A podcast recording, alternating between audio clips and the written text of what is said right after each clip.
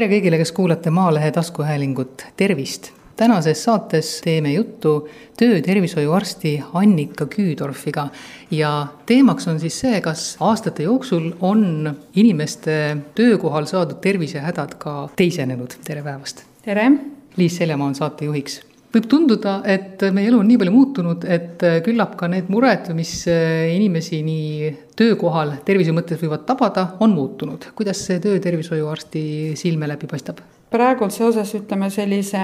võib-olla ka stressirohke eluga just viimase paari aasta jooksul ma pean ütlema küll, et tervisehädad on muutunud selles suunas, et on hakanud vererõhuhädasid olema rohkem siis samamoodi viimasel ajal on just seoses selle kaugtöö ja kodukontoriga on probleeme kaelavaludega, alaseljavaludega, karpaalkanali sündroomiga, see on selline vale tööasend, mis on kaugtööl kasutatakse, mis nagu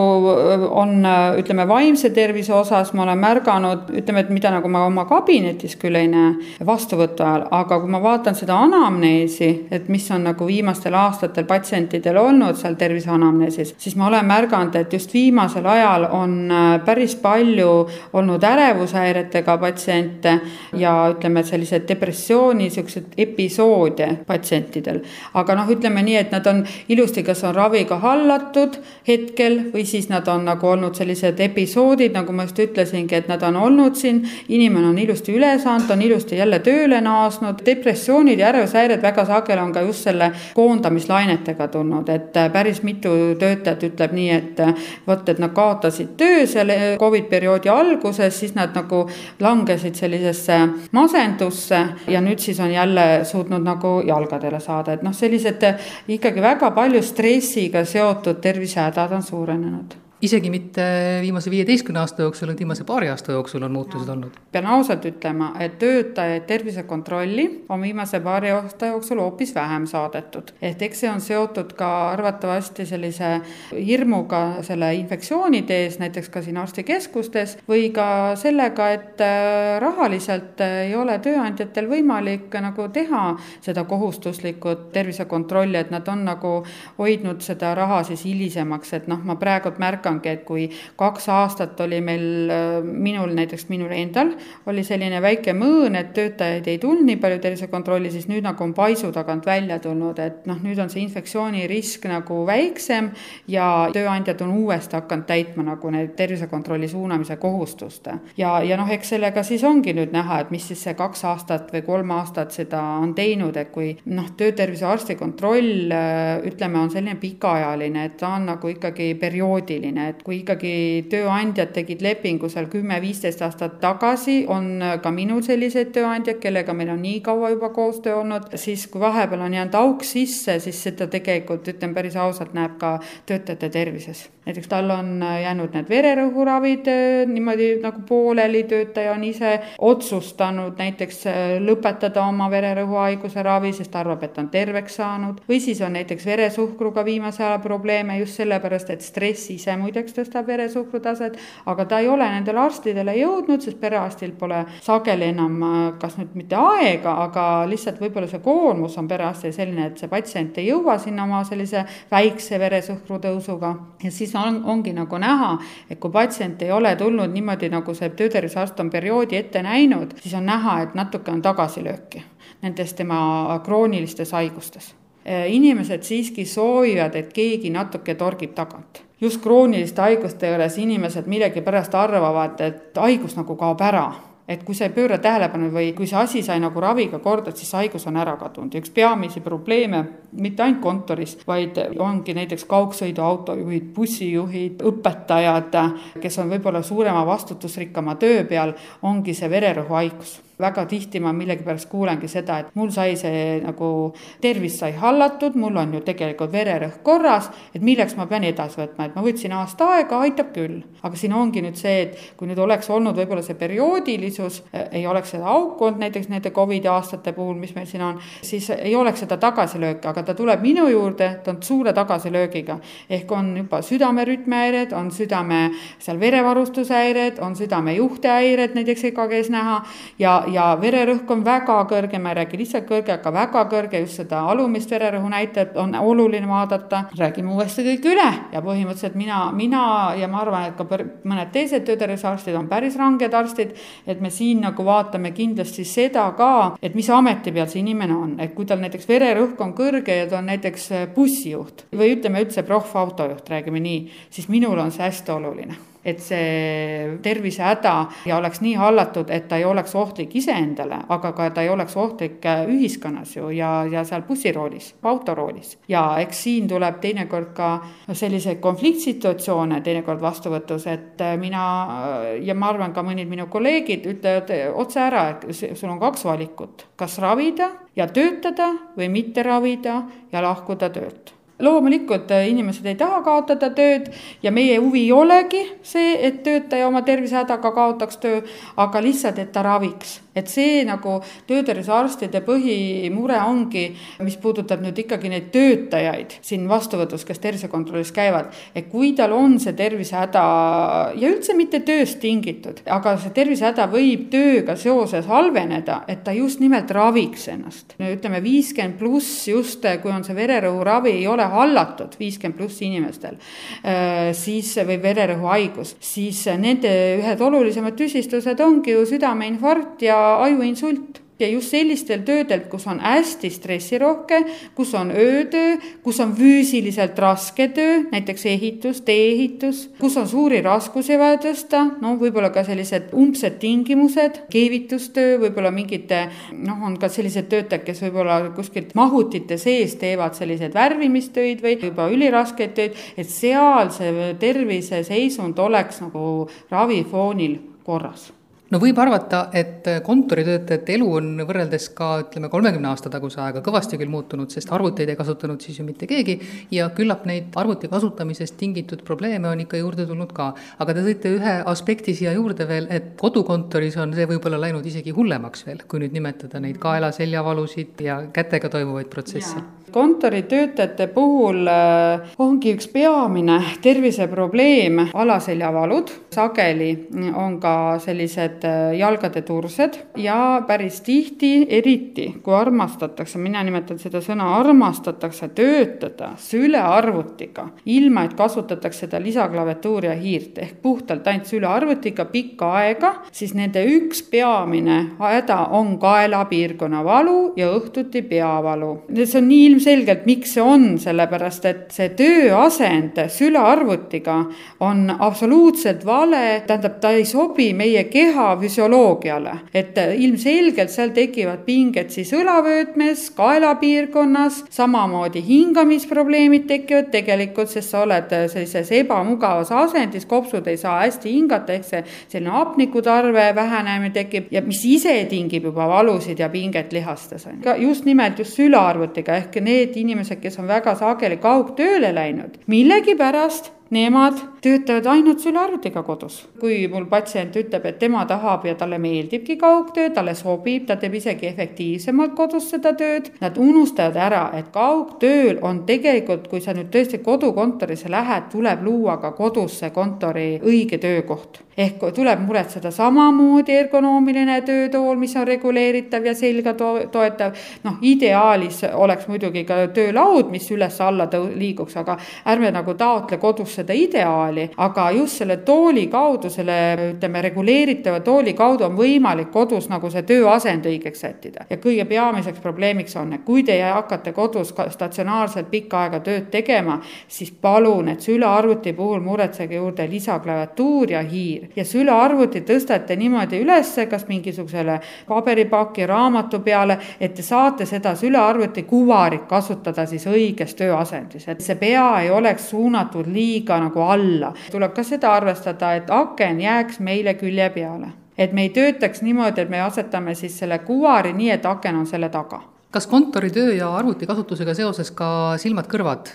on võib-olla varasemast äkki rohkem kahjustunud, nagu silmad ekraani vaatamisest ja kõrvad, ma mõtlen siin näiteks seda, et kui töötada avatud kontoris, kus sind võib-olla häirib näiteks müra või teiste inimeste rääkimine ja nii edasi, on hakatud praktiseerima seda kõrvaklapid pähe, kuulan mingit oma muusikat ja mingit sellist asja, aga see võib kuulmisele mõjuda tegelikult ju päris halvasti. pean ausalt tunnistama, et mina väga harva olen näinud seda olukorda, kus töötajatel on kõrvaklapid peas seoses sellega, et teised inimesed nagu kõrval kõvasti räägivad avatud kontoris. ainult võib-olla sellistes töökohtades, kus on sellised telefoni vastamised klientidele, et seal tõesti on sellised kõrvaklapid peas, et see kõne tuleb talle kõrva, et teised inimesed ei segaks, et ta saaks otse kliendiga nagu läbi siis telefoniühendust hoida. aga sellistes avatud kontorites väga harva ma näen seda kõrvaklapi asja olen näinud, et noh, ütleme, mis puudutab seda kuulmise asja. pigem on avatud kontor kontorites ma pean ütlema jällegi, see on positiivne tendents, et on hakatud austama üksteist. kui ma ikkagi käin avatud kontorites, siis niisugune tunne on nagu ei oleks ühtegi inimest ruumis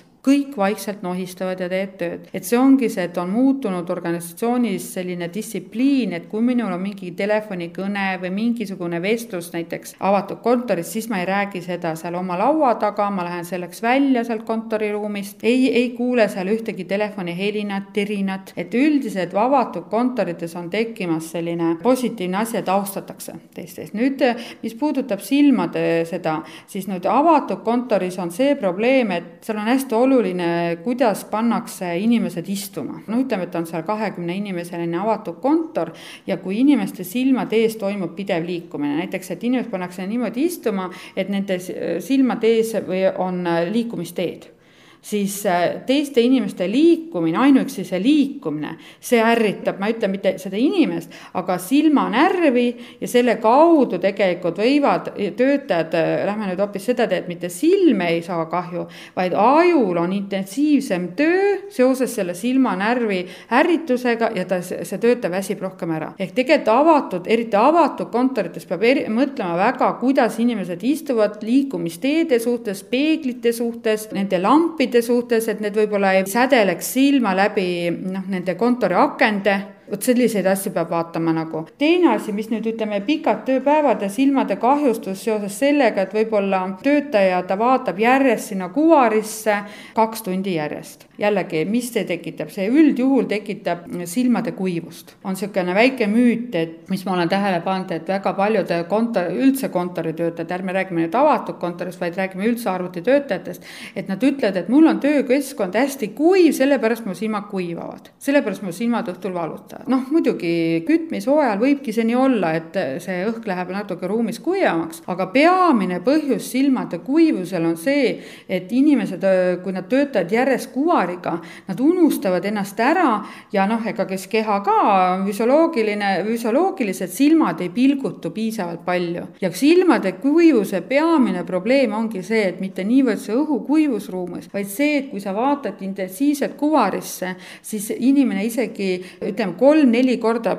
pilgutab vähem silmi et kui normaalselt inimene peaks pilgutama minutis kuskil kolmkümmend korda silmi, siis need inimesed pilgutavad ainult üheksa, kümme korda silmi. ja see aeg, mis siis silmaava on avatud õhule, see aeg ju silm kuivab ja sinna tekivadki silmadele niisugused väiksed mikrohaavakesed, mis, mis siis õhtuks väga sageli inimesed ütlevadki, et silmad kuivavad, kipitavad, nii kuiv õhk on mul siin. aga tegelikult põhjus on hoopis selles, et ei ole teinud pause iga tund, te ei ole vahepeal ise mõtlenud, see kontoritöötaja, et mina vahel siin oma kabinetis ütlengi, et, et lihtsalt tuleta endale meelde, et sa pilgutad silmi, et see märjutada silmi ja teha selliseid, et jällegi äh, väga palju ma siin kabinetis kuulen, et ma ju teen äh, silmaharjutusi, et äh, üles-alla noh, silmamunadega liigutad niimoodi külgedele niimoodi ja, aga mina pakun ikkagi ette, kui te tahate silmi märjutada ja need silmalaud ikka natuke rohkem teil silma limas kesta märjutaks, pange need silmad kinni silmade võimlemise aegu.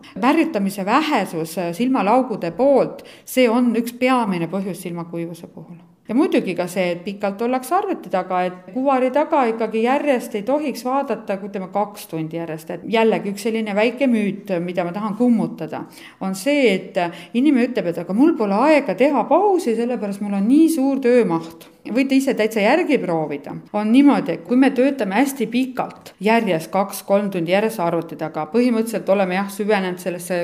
töösse, siis te, mis juhtub ajus? ajus ju juhtub verevarustuse nagu ütleme, verevoolutus, ta nüüd ei vähene, aga ta aeglustub, mõttetegevus aeglustub. veresuhkur ei jõua ka nii hästi aju, aga meie mõtleme veresuhkru baasil ju tegelikult. kui me nüüd teeks pause, jah, me kaotame ajas me kaotame selles ajas, mil me nagu süveneme sellesse töösse, aga tänu sellele pausile, kui me tõuseme üles, liigume ringi, tänu sellele intensiivistub ajus verevarustus, suhkurt lükkab palju aju, verevarustus, ütleme, aju tegevus paraneb. Ja me, kui me nüüd uuesti istume tagasi ja hakkame uuesti tööle, siis tegelikult meie mõttetegevus on kiirem esialgu on see natuke selline harjumatu inimestele, et see pole võimalik. Ja võib-olla ta nõuabki sellist nädal aega katsetamist, sest et iga ebameeldiv, ega keha harjub ka halbade asjadega ära, mitte ainult heade asjadega. ehk see iga ebameeldiv asi on see kehale tõusta püsti, teha eba, ma olin varem tegin nii tööd, aga kui te hakkate niimoodi tööd tegema, esiteks ütlevad aitäh teile silmad selle eest, et te nagu silmalihaseid, just neid lihaseid, mis nüüd lähedale kaugele näitavad, sest te neid ju ka lõdvestate sellega, kui te lähete, liigute ringi aga teine asi on just see, et teie tegelikult ajutegevus paraneb ja te ei pea olema, noh, istuma, see luulihaskond ei pea olema istuvas sundasendis kogu aeg. Vot siin ongi see müüt, et, et ma kindlasti ei jõua siis tööga hakkama, aga jõuate ja see on läbi füsioloogia, mis on ajus toimub no me oleme pikalt rääkinud siin kontoritöötajate uutest probleemidest, aga kas kontoritöötajad on peamised, kes oma muredega pöörduvad? Te tõite siin välja mitmeid selliseid probleeme, mis hoopis erinevate erialade inimesi tabavad ja need on võib-olla ka noh, natukene uuemad või teisenenud võrreldes siin paarikümne aasta taguse ajaga ma arvan, et kõigil töötervishoiuarstidel jaguneb niimoodi, et need kontoritöötajad on noh, ütleme nelikümmend viis, viiskümmend protsenti on nagu ütleme, tervisekontrolli patsientidest. et ülejäänud äh, ikkagi on kas tööstus, tootmistöötajad, ehitussektori töötajad, on ka kõrgtöö tegijaid, et noh, et äh, meil on ikkagi see ampluaa, kelledele ettevõtete tervisekontrolli teeme, päris suur. et jah, see kontoritöötajate arv tänu sellele või ütleme seoses sellega, et on eraldi määrused, mis nõuavad kuuariga töötaja tervisekontrolli, võib-olla selle tõttu ongi ta nagu suurenenud. aga aastaid ja aastakümneid on ju ikkagi tervisekontrolle tehtud ju ikkagi tootmistöötajatele ja ütleme, ehitustöötajatele ja sellistele, kes teevad sellist rasket füüsilist tööd ja võib-olla, kes puutuvad kokku kemikaalidega. Need inimesed ikka käivad edasi tervisekontrollides. Need tervisekaebused üldiselt on palju väiksemad kui näiteks kontoritöötajatel uskuge või mitte, aga nii see on. tähendab, mis puudutab nüüd luulihaskonna kaebusi, siis on kontoritöötajatel neid rohkem ja just seljavalusid nüüd aga, kui me võtame nüüd selle ehitus ja selle muu sektori, siis nendel on päris palju kaebusi on nahaga kontaktallergilised reaktsioonid võivad olla, võivad olla ka nahaseened, mis on äh, sellised nahaseened, mis ei ole nakkavad nahaseened, vaid mis on meie enda kehal olevad nahaseened seoses higistamisega. suureneb nende äh, noh, ütleme agressiivne kasv nahal on ju, et jällegi, millele võib-olla üldse ei pööra keegi tähelepanu, aga tegelikult see on ka, et kui on niiske töökeskkond, liiga palju higistad, väga soe, siis tegelikult ju meil naha, nahk on ka organ ja naha peal olevad sellised mädanikud või nahaseened hakkavad ka kasvama. noh, vot seda ma nagu näen, et just tööstussektoris, ehitussektoris ei pöörata tähelepanu, et nahk on organ. nüüd siis eh, nendel on sageli siis ka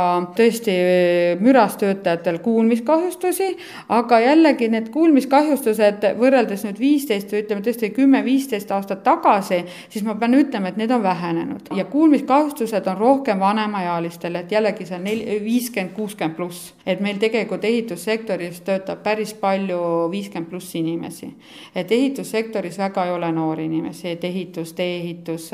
ütleme, et kaugsõidu autojuhid ja sellised, selle, seal ei ole palju selliseid, ma ei saa ütelda, et seal on näiteks kolm, kolmkümmend ja alla inimesed, enamus on ikkagi keskmine iga ehitustöötajal on nelikümmend pluss. On väga palju noori inimesi, kes on suutnud oma tööelu niimoodi praegult seada, et nad on nii kontoris kui ka näiteks objektidel just nimelt nooremad. et nad on nagu, teevad ühte ja teevad teist, et väga palju on selliseid projektijuhte, ehitusjuhte, selliseid ja nad on, teine asi, et nooremad on, räägime siis äh, nagu asi on, et nooremad on saanud aru, et haridus on oluline. ütleme, et nad on keskeriharidusega, nad on kõrgharidusega ja nad on ikkagi rohkem juhtivatel kohtadel et seda ma pean ka ütlema. vanemad töötajad, tavaliselt ettevõtete juhid, ütleme, kes on siis võib-olla oma, enda oma ettevõtte omanik, et siis võib-olla see võib vanem töötaja olla, aga üldjuhul tegevjuhid ja nende, nende vanus jääb nelikümmend ja alla. aga ma ei taha ütelda, et nad on siidikäpad, ei ole, et väga paljud tegevjuhid ja,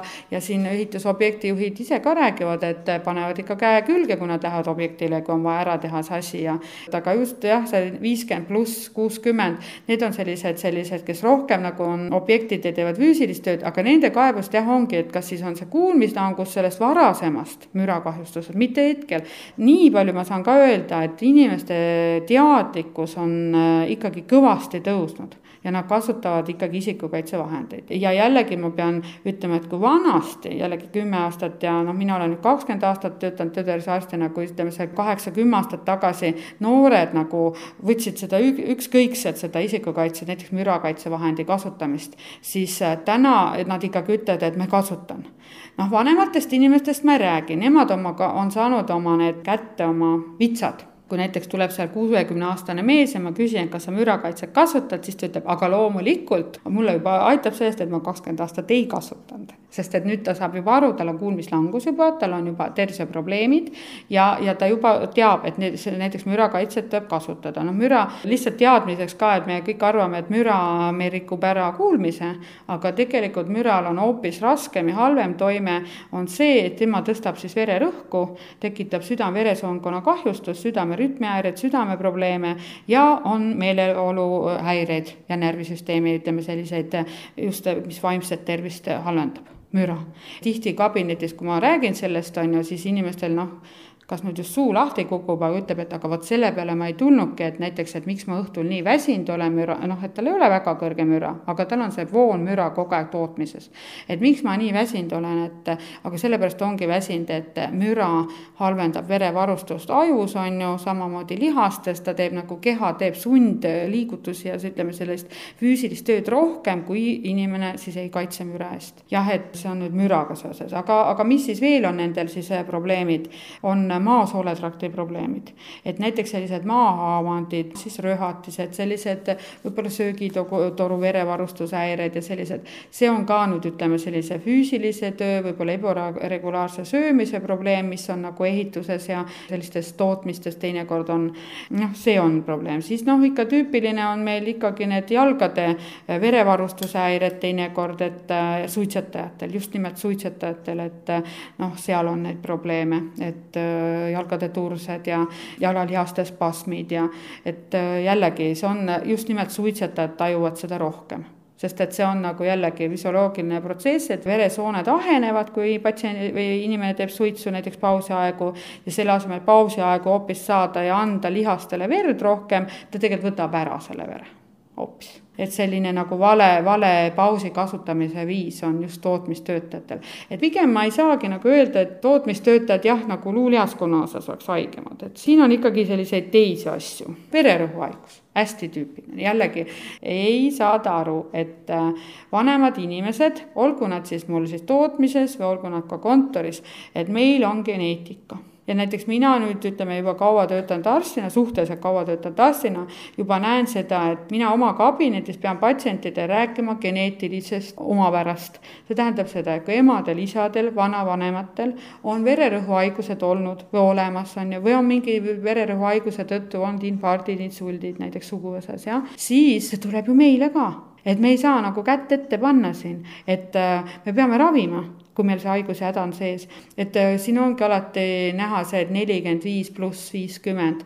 umbes selles vanuses, selles. Inimesed on väga üllatunud, et oi, et mul oli kogu aeg vererõhk madal, et nüüd näed, mul on vererõhk kõrge. Aga siin ongi see, et sul on töökeskkonnas müra, sul on töökeskkonnas võib-olla mingi stress, sul on võib-olla ka raske füüsiline töö ja nüüd on see geneetika lisandub. Ja ongi nelikümmend, nelikümmend pluss vererõhuhaigus. Tuleb ja siin tuleb lihtsalt õigel ajal hakata jällegi, mis ei meeldi patsientile, ravimeid võtma. eriti mehed, mis nad ütlevad, viiskümmend pluss mehed, kas ma pean eluaeg võtma nüüd vererõhurohtu, see tähendab, ma olen nüüd siis invaliidiks tunnistatud. aga tegelikult nii ei ole, tegelikult tuleb vaadata ajas, et sa oled jõudnud sellisesse ikka, kus mitte ainult töö ei mõjuta sinu tervist, vaid sinu geneetika ehk on jõudnud juba aeg, kus ütleme näiteks meestel või ka naistel see naissuguhormoonid, meessuguhormoonid langevad ja need ei kaitse meid enam haiguste eest, mis meil on geenides. ja ütleme, siin peamine haigus on ikkagi see vererõhuhaigus ja seda ei taheta tunnistada endale et see nagu on just nagu pigem, pigem see minu töövaldkond viimasel ajal, et see nõustamine ja rääkimine, et mis, miks see tervis on selliseks läinud, et sa võisid varem olla väga terve ja tubli, aga vot nüüd hakkavad geenid mängima rolli kas võib öelda ka, et nii tööandjate kui töötajate endi poolt äh, suhtumine töötervishoiu arsti külastamisse on ka kuidagimoodi muutunud positiivsemaks, negatiivsemaks või ei ole seal mingit muutust olnud? Ma pean tõdema, et on positiivses suunas muutunud. et äh, kui vanasti oli see tööandjale noh, selline tõesti, ma ütleks, ebameeldiv kohustus ja oli eelarvamus, et äh, nii töötajatel, tööandjatel, et milleks, milleks sellist asja, et üldse vaja on, siis noh, nii palju me ütleme siis sellise kümne-viieteist aasta sellise pideva perioodilise tervisekontrolli osas oleme suutnud ära teha, noh, ütleme just nende tööandjate puhul, kelle töötajad läbivad nagu ikkagi seda pidevat kontrolli. et nad on aru saanud, et see on väga vajalik asi ja nad, nende eelarvamus on tõeliselt ka muutunud, et äh, on hakatud tellima selliseid äh, optimaalseid uuringuid, et ei ole mindud nagu sellist teed, et äh, teeme ainult siis käepigistuspaketi seal näiteks ehitustöötajale, et umbes, et töötervishoiuarst kuulab südant, kuuleb kopsu, seal vererõhku mõõdab ja ütleb otsuse. aga et on juba mindud ikkagi niimoodi, et need uuringumahud on juba piisavad, et selgitada välja tõesti selle selle töötaja tervis ja on saadud aru, noh, see sõltub muidugi ka võib-olla sellest arstist ja sellest ajast, kui kaua see patsient seal arsti juures on,